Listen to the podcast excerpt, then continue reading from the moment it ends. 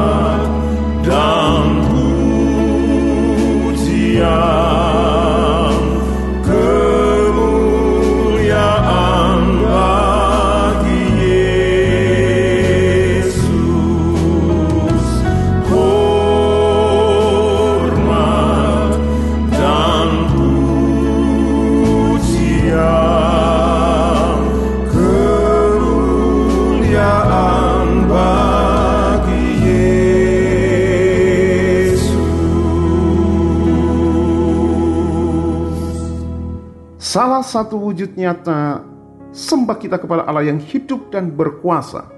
Allah yang memberkati kita, Allah yang menuntun kita dengan penyertaannya yang sempurna. Dan Allah yang telah menyerahkan segala sesuatunya bagi kita termasuk nyawanya dalam Yesus Kristus Tuhan kita demi keselamatan kita. Maka tidak bisa ditawar-tawar lagi. Wujud nyata penyembahan kita adalah mempersembahkan yang terbaik bagi dia. Demikian dinyatakan di dalam pujian yang baru saja kami naikkan di awal program ini. Bapak Ibu Saudaraku yang terkasih di dalam Tuhan mempersembahkan yang terbaik bagi dia adalah bagian dari membangun relasi keintiman dengannya. Firman Allah berkata di dalam Markus 12 ayat 30, Kasihilah Tuhan Allahmu dengan segenap hatimu, dengan segenap jiwamu, dan dengan segenap akal budimu, dan dengan segenap kekuatanmu malam hari ini yang pertama, suatu pertanyaan bagi kita, mengapa kita harus mempersembahkan yang terbaik bagi Allah? Saudaraku dikatakan bahwa manusia itu serupa dan segambar dengan Allah. Apa arti dari serupa dan segambar dengan Allah? Saudara, di dalam kesegambaran dan keserupaan dengan Allah, artinya manusia memiliki pikiran Allah, perasaan Allah, daya cipta. Manusia juga memiliki sifat dan karakter Allah. Manusia mewarisi apa yang Allah miliki. Dan yang tidak menjadi kesegambaran dalam hal manusia dengan Allah hanyalah dosa. Manusia berdosa, tetapi Allah tidak berdosa. Malam ini yang ingin saya tekankan adalah sifat dan karakter Allah. Bapak Ibu, oleh karena kita memiliki sifat dan karakter Allah, di mana Allah suka memberkati, Allah suka memberi, dan Allah mempersembahkan yang terbaik bagi kita termasuk nyawanya, maka sebagai anak-anaknya di dalam kesegambaran dengannya, saudara dan saya pun mesti demikian. Memiliki sifat dan karakter untuk mempersembahkan yang terbaik bagi Allah kita. Haleluya. Saudara, kita bersyukur kita memiliki Allah yang memiliki karakter yang suka memberi, Allah yang suka memberkati, Allah yang suka mempersembahkan yang terbaik bagi kita bahkan semua yang hidup di atas muka bumi. Perhatikan baik, Allah mengatur struktur alam semesta secara teratur untuk menolong kelangsungan hidup manusia dan segala yang hidup di muka bumi. Sinar matahari di waktu siang yang memberikan panas yang berguna bagi hewan dan tumbuhan, dan secara khusus bagi manusia. Apalagi di dalam masa-masa pandemi, semua manusia di muka bumi butuh sinar matahari dengan vitamin D-nya.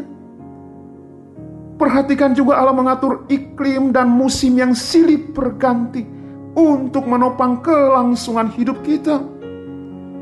Bayangkan apa yang akan terjadi jika satu tahun saja manusia tidak menikmati sinar matahari dan hidup hujan sepan dalam hujan sepanjang hari.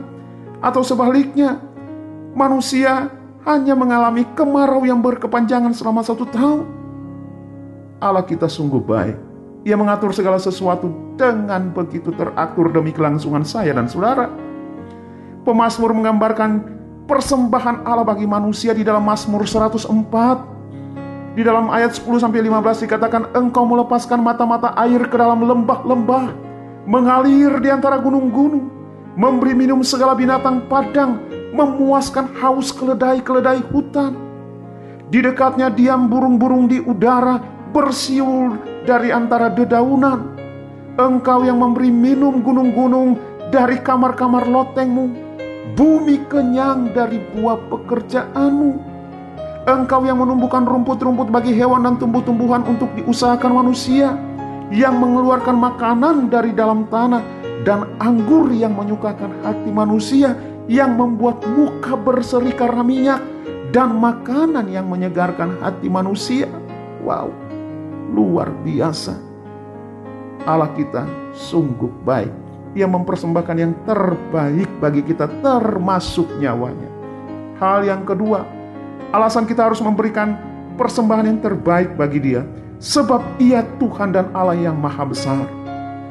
Bapak Ibu, sekali lagi kita bersyukur kita menyembah Allah yang besar dan penuh kuasa di antara Allah-Allah yang tidak punya kuasa yang disembah oleh bangsa-bangsa kafir.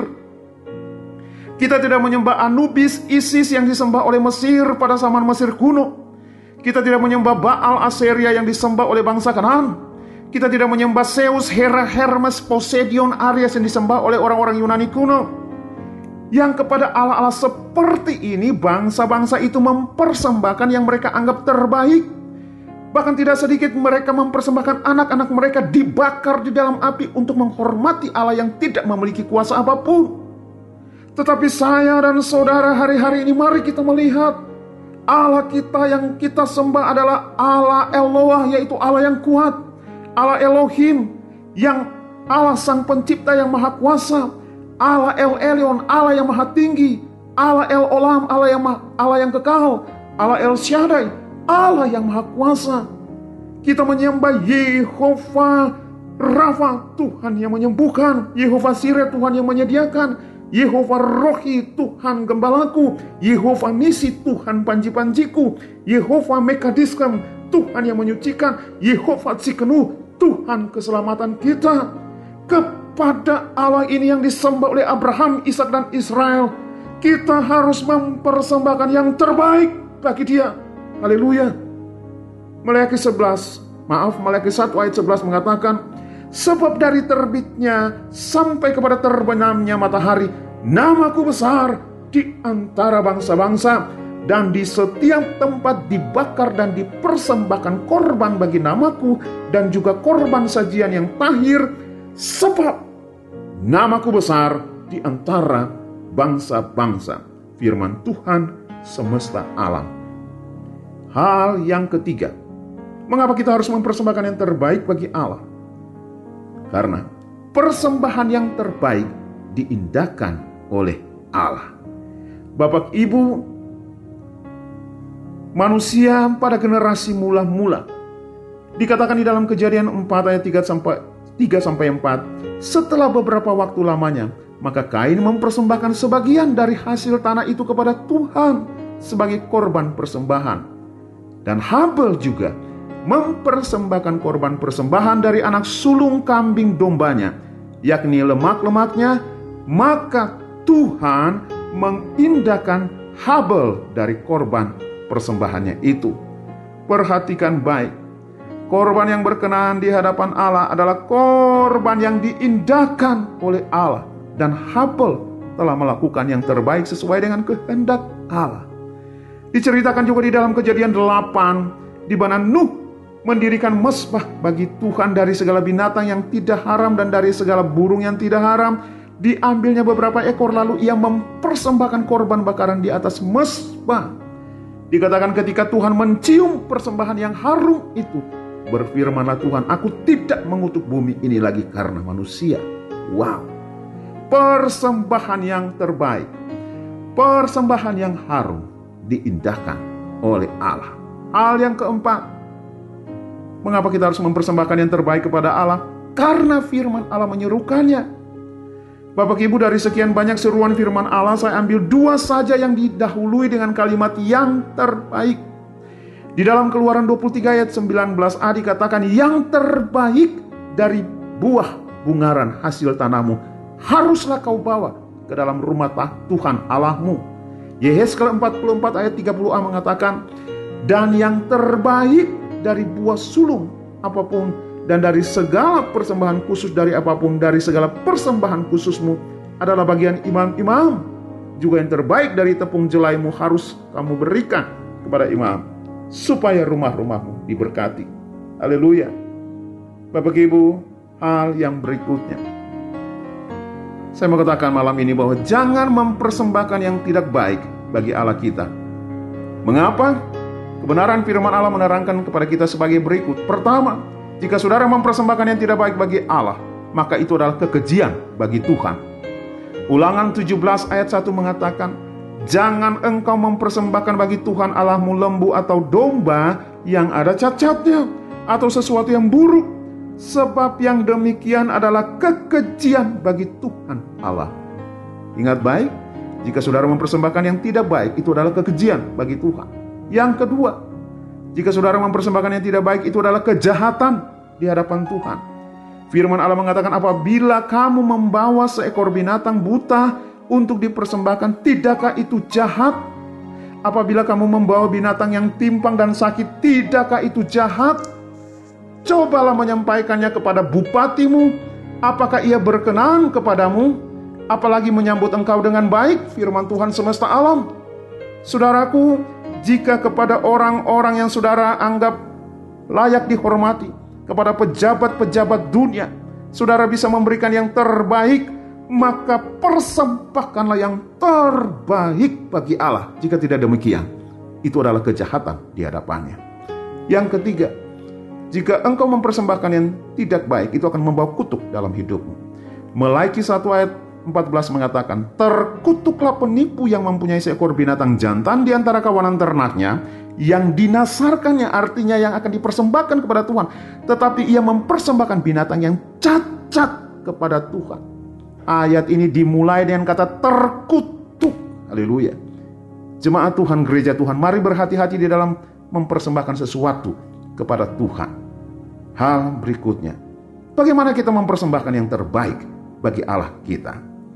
Saudaraku yang terkasih di dalam Tuhan, hal yang pertama, untuk mempersembahkan yang terbaik bagi Allah. Yang pertama, mempersembahkan dari hati.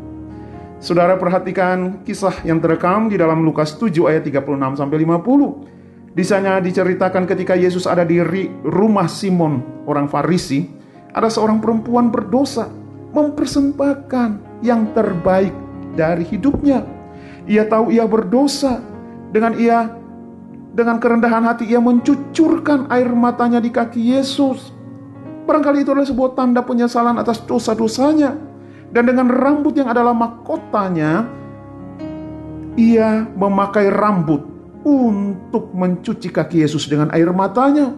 Kemudian ia meminyaki Yesus dengan minyak wangi. Wanita ini telah mempersembahkan hidupnya dari kerendahan hati yang paling dalam. Dan dengar baik, Yesus berkenan dengan persembahan ini. Haleluya. Bagian yang lain terkait dengan mempersembahkan dari hati adalah Saudara aku perhatikan Matius 5 ayat 22 sampai 23 dikatakan Sebab itu jika engkau mempersembahkan persembahanmu di atas mesbah dan engkau teringat akan sesuatu yang ada dalam hati saudaramu terhadap engkau, tinggalkanlah persembahanmu itu di depan mesbah dan pergilah berdamai dulu dengan saudaramu lalu kembali untuk mempersembahkan persembahanmu itu. Bapak Ibu Allah melihat setiap hati kita yang membawa persembahan kepadanya. Dan jika hari-hari ini jika engkau mempersembahkan sesuatu tetapi engkau masih hidup di dalam kebencian, hatimu menyimpan banyak hal, engkau masih menyimpan kepahitan, kebencian, kemarahan, iri hati dengan orang lain, atau kau orang juga berbuat hal yang sama kepada engkau dan engkau tidak mengampuninya, maka engkau harus mencari orang itu berdamai dulu dengan dia, barulah membawa persembahan kepada Allah. Jika tidak demikian, Allah tidak berkenan. Berikanlah persembahan yang terbaik dari hati kita yang benar di hadapan Allah. Haleluya. Yang kedua, bagaimana kita mempersembahkan yang terbaik? Mempersembahkan dengan iman. Dikatakan karena iman, Habel telah mempersembahkan kepada Allah korban yang lebih baik daripada korban Kain. Kemudian di dalam Ibrani 11 ayat 7 dikatakan karena iman, maka Abraham tatkala ia dicobai mempersembahkan Ishak. Ia yang telah menerima janji itu rela mempersembahkan anaknya yang tunggal. Saudara-saudara yang terkasih membawa persembahan kepada Tuhan, apakah itu dalam pujian penyembahan ataukah saudara memberikan nasar ataukah saudara ingin mempersembahkan korban khusus dan pelbagai hal-hal yang berkaitan dengan persembahan, persembahkanlah dengan iman karena itu sangat berkenan di hadapan Allah. Hal yang ketiga, bagaimana kita bisa mempersembahkan yang terbaik? Persembahkannya dengan kerelaan hati dan dengan sukacita. Bapak Ibu Saudara yang terkasih, firman Allah mengatakan di dalam 2 Korintus 9 ayat 7, hendaklah masing-masing memberikan menurut kerelaan hatinya. Jangan dengan sedih hati atau karena paksaan, sebab Allah mengasihi orang yang memberi dengan sukacita. Haleluya, haleluya. Hal yang terakhir, saudaraku, hal yang terakhir. Berkat bagi orang yang mempersembahkan yang terbaik bagi Allah kita. Berkat yang pertama, dengar baik-baik. Allah dapat mengubah setiap kutuk menjadi berkat dalam hidupmu jika engkau mempersembahkan yang terbaik bagi dia.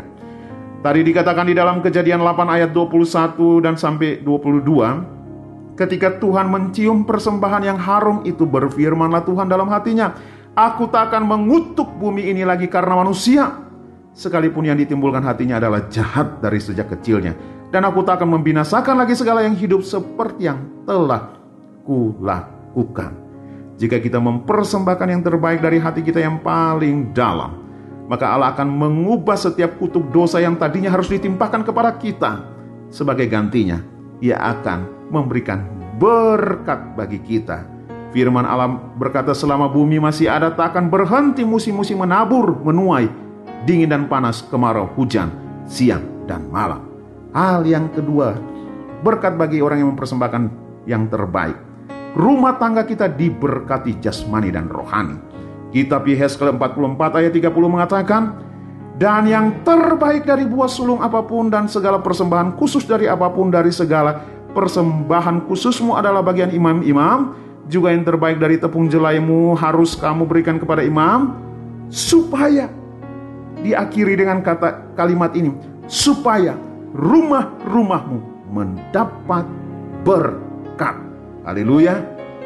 Berkat berkat yang terakhir.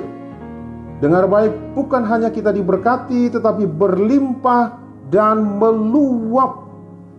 Di dalam Amsal 3 ayat 9 sampai 10 dikatakan muliakan Tuhan dengan hartamu dan dengan hasil pertama dari segala penghasilanmu maka lumbung-lumbungmu akan diisi penuh sampai berlimpah-limpah dan benyara pemerahanmu akan meluap dengan air buah anggurnya. Haleluya. Berkat yang keempat, melimpah dengan segala karunia Allah, berkecukupan dan berkelebihan dalam pelbagai kebajikan. 2 Korintus 9 ayat yang ke-8 mengatakan, Dan Allah sanggup melimpahkan segala kasih karunia kepadamu, supaya kamu senantiasa berkecukupan dalam segala sesuatu, dan malah berkelebihan di dalam pelbagai kebajikan. Saudara pendengar di mana pun Anda berada, selamat mempersembahkan yang terbaik bagi Tuhan. Jangan takut, jangan ditunda, jangan hitung-hitungan dengan Tuhan. Waktu Anda berniat untuk melakukannya, Allah terlebih dahulu telah menyediakan bagi saudara. Percaya, haleluya. 2 Korintus 9 ayat 10 mengatakan sebagai penutup daripada kebenaran firman ini. Ia menyediakan benih bagi penabur dan roti untuk dimakan. Ia juga yang akan menyediakan benih bagi kamu dan melipat gandakannya dalam menumbuhkan buah-buah kebenaranmu. Haleluya. Tuhan Yesus memberkati Bapak Ibu sekalian. Berikanlah yang terbaik bagi Tuhan. Amin.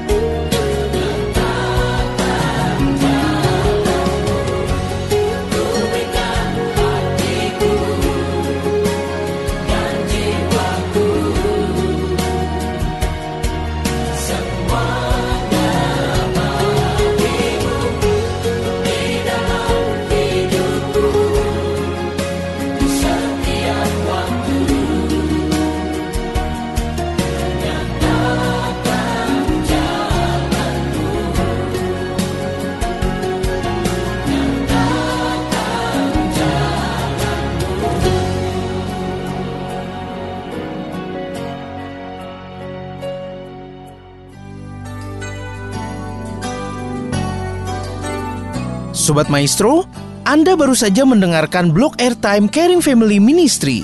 Informasi dan pelayanan lebih lanjut, hubungi call center Caring Family di 0813 126 07717 bersama Pendeta James Tuhumuri. Terima kasih atas perhatian dan kebersamaan Anda. Tuhan Yesus memberkati.